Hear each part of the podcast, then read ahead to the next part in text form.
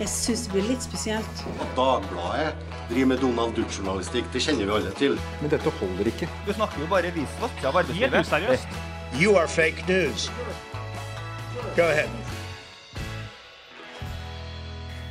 Det har vært et nytt eh, spennende nominasjonsmøte for Demokratene. Denne gangen i New Hampshire, hvor da Bernie Sanders, som eh, ventet, vant. Han var jo storfavoritt, fordi, eh, blant annet fordi det er hjemmebanen hans, så å si. Det er jo nabo, nabostaten til Vermont. og sist gang det var primærvalg der, altså mot Hillary Clinton, så vant han suverent. Altså, jeg tror det aldri har vært noen som vant med større margin. Han fikk vel 60% av stemmene eller noe sånt noe. Så det var venta at han skulle ta den seieren klart.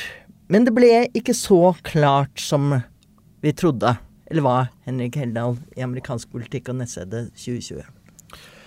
Ja, det ble altså bare en seier med 1,5 prosentpoeng over Pete Buttigieg. Eh, Det var jo spådd på målingene at Bernie skulle vinne med enda mer. Så eh, han hadde jo faktisk en eh, nedgang på seierssjansene i 538 sin modell, fordi han gjorde det verre enn forventa. Men en seier er jo en seier. Ja, det, men tror du han er litt skuffet, eller? Jeg tror ikke de er skuffa over seieren i New Hampshire, men det er heller det at de har snakka om enorme, det enorme velgeroppmøtet de har tenkt til å generere, som de kanskje ikke har gjort like mye som de hadde håpa på i Iowa og New Hampshire. Og kanskje gjør de litt bekymra for veien videre. Men samtidig, det at eh, de moderate kandidatene er splitta, og deres største rival Joe Biden har en fjerde- og en femteplass eh, nå på to konkurranser, og at to kandidater i både Pete og Amy Klobuchar eh, gjør det sterkt på den andre fløya, gjør jo at det er en kjempefin start for Bernie Sanders. Men det, dette fenomenet Mary Pete må vi vel nesten kalle ham. Ja. Eh, han var jo ganske fullstendig ukjent for et år siden, og har inntil nylig vært ganske ukjent for de fleste amerikanere. Mens nå eh, ligger han faktisk helt i tet i, i nominasjonsprosessen. Ja, han har flest delegater nå etter to eh, runder, så han har gjort det utrolig sterkt. Ja. Men, eh, men er han en eh, Er det Det var en sjokkåpning for ham, men, men er det noe Kan han fortsette på dette nivået fremover, tror du? Altså, han var avhengig av å gjøre det veldig sterkt i de to første statene for å ha en sjanse, eh, fordi han har mindre appell i de, de, de kommende statene, der det er et mer mangfoldig elektorat. Men det er klart at uh, seire og gode resultater gjør jo at uh, andre kandidater trekker seg. Det gjør at du får uh, mer ressurser. Det gjør at velgere som tidligere ikke har gitt deg en sjanse, kanskje ser på deg en gang til med et eh, mer vennlig blikk. Så det er ingen tvil om at eh, det at Biden gjør det svakt, eh, gjør at kanskje han kan ha en sjanse til å ta noen av Biden sine velgere og ja, gjøre en knockout på, på Joe Biden. Det er, jo, det er jo muligheten hans for å, å vinne. Hvis han ikke klarer å gjøre en knockout på Joe Biden, så vil han jo ikke ha en sjanse. Vi har jo snakket om at, at alle disse demokratiske kandidatene har jo sin lille sånn akilleshæl. Og, og eh, Mary Pete er det vel ikke tvil om at det at han eh, er homofil, er noe som man kanskje sier at det gjør han litt mindre valgbar. Kanskje. Det er jo et eksperiment man ikke har prøva før i, i amerikansk politikk. Det kan godt hende det har vært noen som har vært homofil, men det har vi i hvert fall ikke visst det. Det er jo sånn at han gjør det svakt blant svarte velgere hos demokratene, det påpekes. De har mer sosialkonservative syn enn hvite velgere, det er ingen tvil om det. I tillegg så er det mm, et, det er et usikkert kort som kanskje gjør noen litt mer nervøs for om han kan vinne, selv om de aksepterer selvfølgelig at han er homofil på, på demokratisk side. Så er det jo selvfølgelig det med, med mangel på erfaring, og at han har gjort det svakt blant at han, han ble tatt på sin historikk med, med svarte borgere i, i hjembyen sin i forrige debatt. Så det er noen svakheter der. Men uh, John Kerry gjorde det svakt blant svarte velgere eh, lenge, i 2004, og så vant han plutselig et par valg, og de andre kandidatene falt litt mer ifra, og da fikk han støtten til de svarte velgerne. Så hvis du er en vinner, så kan du kanskje få den støtten til slutt. Og situasjonen er så annerledes på så mange måter at det eh, at eh, kandidater som er litt uortodokse, kan, eh, kan også vinne frem. Eh, så jo at Biden kjørte jo hardt, eh, hardt i en annonse mot eh, Pete med at han, eh, han hadde holdt på å sys syslet med lokalpolitikken i South Bend, mens han hadde vært ute og reddet verden og drevet storpolitikk. Og den annonsen virket som det ikke var så heldig likevel. Nei, den, den latterliggjorde jo Mayor Pete for, sitt, for sin jobb, og den slo nå kanskje tilbake i feil retning. Velgerne syns den gikk for langt, tror jeg, mens Amy Klobuchar sin kritikk om at en, en 37 år gammel kvinnelig borgermester fra en liten by neppe ville gjort det så godt som Pete, eller blitt tatt så seriøst i media, kanskje traff litt mer. Så demokratiske velgere er ikke like glad i den, krasse valgkampen som, som republikanere. Altså, den tror jeg ikke traff helt. Men i debatten sist så gjorde Pete bra ved å, forsvare seg mot angrepene fra Biden. Biden hadde jo et, et innøvd svar om at uh, ja, han har mye erfaring, men det er god erfaring. Og så lista han opp alt han hadde gjort da som var positivt. Så svarte, svarte Pete at ja, det var god erfaring for sin tid, men nå er det en ny tid. Og det er det mange velgere som, som, som, liker, også faktisk eldre velgere. Mange eldre velgere som støtter Pete, og mange eldre velgere som syns at en yngre kandidat er bedre enn en, en eldre kandidat. Mm. Fordi eh, jeg syns jo særlig Biden bærer jo litt preg av at han uh, begynner å Alderen setter preg på han. Men Kloberskjær er jo utrolig nok en av de unge. Med, hun er vel 59? Ja, hun er vel 59, ja. Det er jo ikke veldig ung, og jeg syns ikke hun hun virker ikke gammel, men hun virker ikke ung heller. Hun sa jo at det er den nye 38, eller hva det var i, i debatten her. Um, hun hadde jo en veldig godt resultat med nesten 20% i New Hampshire. Hun, hun var også en som er avhengig av å gjøre det godt i, i starten. Hun hadde en utrolig god sånn slags seierstale, hvor hun artikulerer en mer sånn sentrumsorientert visjon som jeg tror mange amerikanere som ikke er er så mye med i den politiske kampen, men allikevel er interessert i politikk, han støtter. Så det å kunne samle begge sidene og de uavhengige om en mer eh, verdig vei videre for eh, amerikansk politikk, eh, der har hun et godt, vel, velregissert budskap. Hun er ikke sånn umiddelbart veldig sjarmerende type, eller litt sånn streit, litt grå kanskje, men, men når hun stiller i debatt, da er hun veldig slagkraftig og debattsterk, og hun har jo nærmest vunnet de debattene hun har stilt opp. Ja, de siste tre debattene spesielt har hun gjort det veldig godt i mine, i mine øyne. Hun har en, en, en måte til å, å, å, snakke på folk litt mer som en av, en av deg, som ikke snakker ned til folk, og rett og slett bare er ærlig med folk om at uh, det er ikke noe flash med henne, det her er det jeg har gjort. Hun snakker om at hun har regningene fra å ha fått gjennom over 100 lovforslag, rett og slett. Og mm. Hun skrev jo boka 'The Senator Next Door', og har jo det imaget egentlig i ryggmargen. Og, og hun snakker om med familien sin, om faren som uh, drakk ja. litt mye, uh, om at hun kommer fra fattige, alminnelige kår. Eh, det, er jo, det, er jo, det det gjelder i amerikansk valgkamp, at man ja, skal, skal, fremstå som mest mulig alminnelig. Ja, men jeg tror folk liker det, og de skjønner at det er genuint når det er Amy mm. Klobuchar som sier det. Og hun, eh, hun, har truffet veldig godt akkurat der. Hun hadde gode øyeblikk, som du sa, i debatten sist. Og eh, ja, hun begynner å få et budskap nå som er troverdig. Så spørs det jo bare om det er too little too late, om det stemmene er der for henne i det hele tatt. Eh, hun må jo overleve nå to vanskelige valg i Nevada og South mm. Carolina, så hun er også en som er avhengig av å danke ut en motkandidat for å holde det her gående. Og dette koster flesk. Det er en brutal eh, øvelse de er inne i, fordi at uh, straks det sås tvil om det, så, så begynner investorene og backerne mm. å, å nøle også.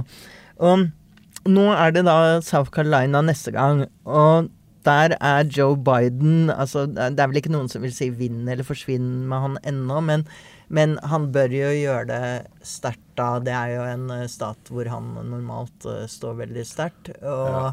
uh, de kaller det for hans firewall. Hva betyr det? En det et, uh, brannmur, rett og slett. Begrep man ofte hører amerikansk ja, politikk. Nå har vi jo både Nevada og South Carolina i februar, der han har ledet målingene tidligere. Det uttrykket brannmur i amerikansk politikk fikk seg jo en liten knekk i 2016, da midtveststatene, Michigan, Wisconsin, Pennsylvania og for så vidt Minnesota, som, som Clinton ikke tapte, men hun tapte de andre tre, ble kalt for hennes brannmur, fordi hadde demokratene vunnet i alle presidentvalgkamper siden siden 1992. Og hun tapte da tre av de viktige statene. og De ble litt kanskje tatt for gitt, eh, både av hennes kampanje, men også i media, som at hun kom til å vinne der uansett. Hvis Joe Biden skulle tape Nevada, Nevada, ser det kanskje ut som hun så South Carolina, der eh, 60% av velgerne er ikke hvite. Da vil egentlig hele poenget med hans kandidatur være borte. Han er den kandidaten som er en populær visepresident, og som skulle være den valgbare kandidaten som kunne vinne. Så Hvis han ikke klarer å vinne en, en stat som er som skreddersydd for han med hans støtte blant svarte velgere, så eh, ser jeg ikke veien videre for Joe Biden. For det er en utfordring for flere av kandidatene, eh, også Pete og Amen Klobuchar, at, at eh, de ikke har så drag på afroamerikanske velgere og latinos, som er liksom en veldig viktig. Uten det så klarer de ikke å få nominasjon, rett og slett. Og, men nå Sanders skryter av at han har står godt og sterkt i disse velgergruppene. Ja, han leda faktisk på mange målinger blant latinamerikanske velgere. Der gjorde han det OK i 2016, men de har brukt veldig mye tid i sin organisasjon på å nå frem til de her velgerne. En velgergruppe som ikke har stemt så ofte tidligere, men som kanskje har blitt litt mer aktivert av Donald Trump. Eh, Mange konservative latinamerikanere også som støtter Trump, men som generelt er det mer aktivert velgergruppe nå pga. Trump. Og svarte velgere, der har han en 20-25 eh, støtte. Så, og når det er så mange kandidater, så er jo det veldig bra. Så da har han ligget på en solid andreplass bak den dominante Joe Biden lenge. Men eh, det å tape valg får negative konsekvenser og dominoeffekter. Det så man på en nasjonal måling nå nylig, hvor Biden hadde mista masse støtte, mista halvparten av støtten sin hos svarte velgere, og Mike Bloomberg hadde gått opp til over 20% støtte hos svarte. Så det er klart at alle de her tapene, det ødelegger støtten Mike til Bloomberg, ja. Jeg tenker jeg ser for meg her at disse mer moderate eh, demokratene slåss seg imellom og bruker masse penger og krefter på å slåss mot hverandre, og så kommer Mike Bloomberg, som er verdt 61 milliarder dollar. Hør det. Oi, Folkens, oi, oi. 61 milliarder dollar, da kan du bruke litt penger. Så kommer han sveipende inn og teppebomber TV-kanalene. Rett og slett. Han har brukt over to, godt over 200 millioner dollar. Jeg har ikke hørt det siste tallet, men det øker for hver gang jeg hører det, i hvert fall. Hvor mye penger han har brukt på, bare på TV-reklame og Superbowl-reklame til 10 millioner dollar. og det bruker han jo på de her supertirsdagsstatene, som er en rekke av de som kommer 3. mars. Er det er da han skal stille. Det er da han først er på valgseddelen, og eh, da er det en rekke sørstater som kan passe bra for en sånn moderat tidligere republikaner som, eh, som han. eh. Folk Han venter jo jo litt på liksom at Biden skal knekke litt. Ja, og det har jo han Biden er jo Han er ikke knekt, men han er i hvert fall Han har i hvert fall fått noen blåmerker. Store blåmerker. Og det er klart at da har Bloomberg en sjanse. Han vinner ikke nominasjonen hvis Biden står sterkt, han vinner bare nominasjonen hvis Biden blir, blir slått ut. Og, mm, han har fått mye medieomtale også, altså gratis medieomtale fordi han har brukt så mye penger, og fordi at Biden har gjort det svakt. Og da blir Mm. det liksom eh, at når man snakker om svake Biden, så snakker man plutselig om Bloomberg. Så media er liksom med på å, å hause opp Bloomberg. Det er liksom som, eh, sterkestes rett hele Ja, det er jo det, men- Hvis du viser tegn til svakhet, så kaster Ja, de seg over det. Ja, faktisk. Det er ikke, ingen tvil om det. Og media i USA, de elsker det nye, det som er nytt og spennende, ikke sant. Så hvis, hvis en eh, pur ung 42-årig Pete Buttigieg stiller neste gang, så kanskje får han kanskje ikke så mye god mediedekning, for han er ikke den nye. Og nå er Mike Bloomer den vi, vi har ikke sett han i debatten, det kommer kanskje neste uke. Vi har ikke sett han stille, hva er det her? Kanskje han kan, så blir han litt haussa opp av media, ikke sant. Og øk, øk på målingene. jeg, jeg syns jo annonsene hans, må jeg innrømme, er jo litt underholdende. Han Han går jo vet, jo direkte på Trump. akkurat eh, hvor han skal, hvilke knapper han skal trykke på, og Ja. du ser på reaksjonene fra Trump at, eh, at han treffer. Han ble jo spurt av en, av journalist om litt det med, med tilliten til systemet hvis eh, milliardærene tar over politikken, og hva f.eks. hvis det er to milliardærer som stiller mot hverandre i presidentvalget. Så svarte han med hvem er den andre milliardæren? Fordi da han har mye mer penger enn Trump, og han har gjort det bedre i forretningsverdenen enn Trump. Jeg tror det er mange velgere som reelt tenker at Vel, Trumps argument er forretningsverden, og her er en fyr som har gjort det bedre enn han, og vil terge han på det. Kanskje det er en, en måte å vinne valget på. Så de er en, eh, de er en like match. Men eh, blant annet Klubbeskjær eh, kaller han jo bare oligarken. Ja. Eh, og det er jo noe i det. Eh, altså, det er jo rimelig absurd at, eh, at noen nærmest kan kjøpe seg en president nominasjon på den måten? Ja, det, det, politiske systemet er jo ikke akkurat som det er i Norge, for å si det på den måten. Og eh, det her er noe man egentlig ikke har testa helt før. Hva skjer hvis det kommer en som er så rik at, eh, at et par hundre millioner dollar ikke har noe å si? Så det er et av, det virker som om det bare sitter noen oppe i et eller annet rom og bestemmer nå skal vi kjøre noen tester på hva ville skjedd hvis vi testa det, hvis vi strakk demokratiet i denne retninga. Mm. Og det er vanskelig å svare på. Akkurat nå så tror jeg faktisk at demokrater bare tenker um, vi må få Trump, så da har jeg ikke noe å si hvem vi velger. For tidligere, altså for eh, ja, begynner kanskje å bli en liten stund siden, men så var det jo litt sånn at partiorganisasjonene hadde mye kontroll over ja. prosessen og hadde en slags sånn eh, Ja, de kunne gripe inn hvis de mente at Ja, nå klarer de jo ikke det. Det, det klarte ikke republikanerne med Trump. Mm. Det kan det hende at demokratene ikke klarer med Bernie. At de, altså de har gitt fra seg så mye makt da. Og nå med, med, Mark Bloomberg så blir jo han å gi enda en, en prøve til, til, det. For det, hvis en kandidat begynner å få flertall, så er det ikke så mye de kan, de kan gjøre. Du har skrevet en kommentar som er interessant om en, om en som nå har gitt seg. Mm -hmm. Andrew Young. Som Hva var det det het? Young Guys? Young Gang. Young Gang, ja. Young Gang. Han oppnådde jo også en slags sånn enorm popularitet blant ja. intens styrkelse blant sine folk. Ja. Og han hadde en eh, ny måte å tilnærme seg hele valgkampen på. Ja, han stilte jo på borgerlønn for å motvirke de negative effektene av automasjon både tidligere og tidligere på, på, på industrien og kommende på servicenæringa og transport og andre banknæringer med å gi da 1000 dollar borgerlønn til alle på 18 år eller, eller, eldre. Han skapte seg et navn hovedsakelig mens de tradisjonelle kandidatene driver og kjemper om å få den lille medieomtalen på CNN, eller å bli, få en, bli nevnt i den 20. Det 20. avsnittet i en New York Times-artikkel. Så gikk han direkte på store podkaster og YouTube-kanaler, og var på Joe Rogan sin podkast, som er kanskje den mest uh, hørte på og sette i verden, og fikk millioner av amerikanere til å se og høre hans opptreden der. Mm. Hvor han fikk snakke i to-tre timer og gjorde en veldig god figur. Og plutselig hadde han da en sånn følgerskare på nettet han, som da fikk han med og opp og frem. Etterpå kom Bernie og de andre kravlene og ja, banket på døren. Han sa jo det, Joe Rogan, etterpå, at mange andre kandidater kom etterpå og spurte om å få bli med. Han hadde med mm. Tulsi Gabbard, han hadde med han hadde også med Bernie Sanders, som han fikk godt inntrykk av. Han sa at det var andre kandidater som Marianne Williamson og Elizabeth Warren som prøvde å komme seg på, men han syntes ikke de var interessante. Nå har jo ikke Gabriel eller Young eh, gjort det så bra at de slo helt gjennom, men, nei, men, nei, men, det er, men, det er jo en videreutvikling av at ja. vi har fått en reality-president. Ja, det var jo Yang sitt fremste øyeblikk var i en debatten hvor han snakka om at i forrige debatt så fokuserte media bare på at jeg ikke hadde på meg slips, og det her er et problem at vi har gjort presidentpolitikk om til et et reality-program, og da er det ikke rart at vi har en reality-president, og det slo veldig godt eh, an.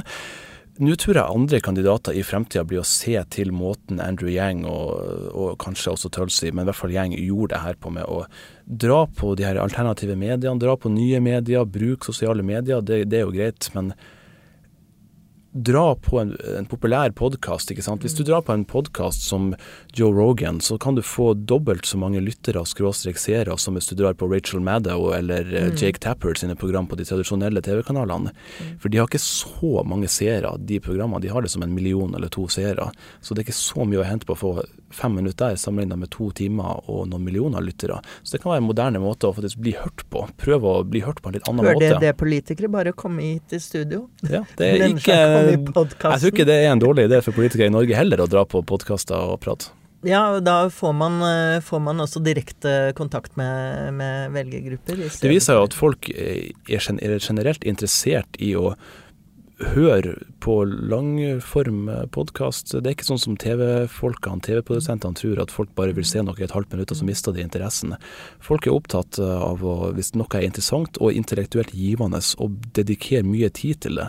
Og det er jo måten Gjeng har fått støtte. Dessverre så er det jo mange som ikke har ville brukt så mye tid, og da fikk han ikke så stor støtte, men allikevel, Og en av kritikken mot Biden er vel at de mener at han er litt gammeldags.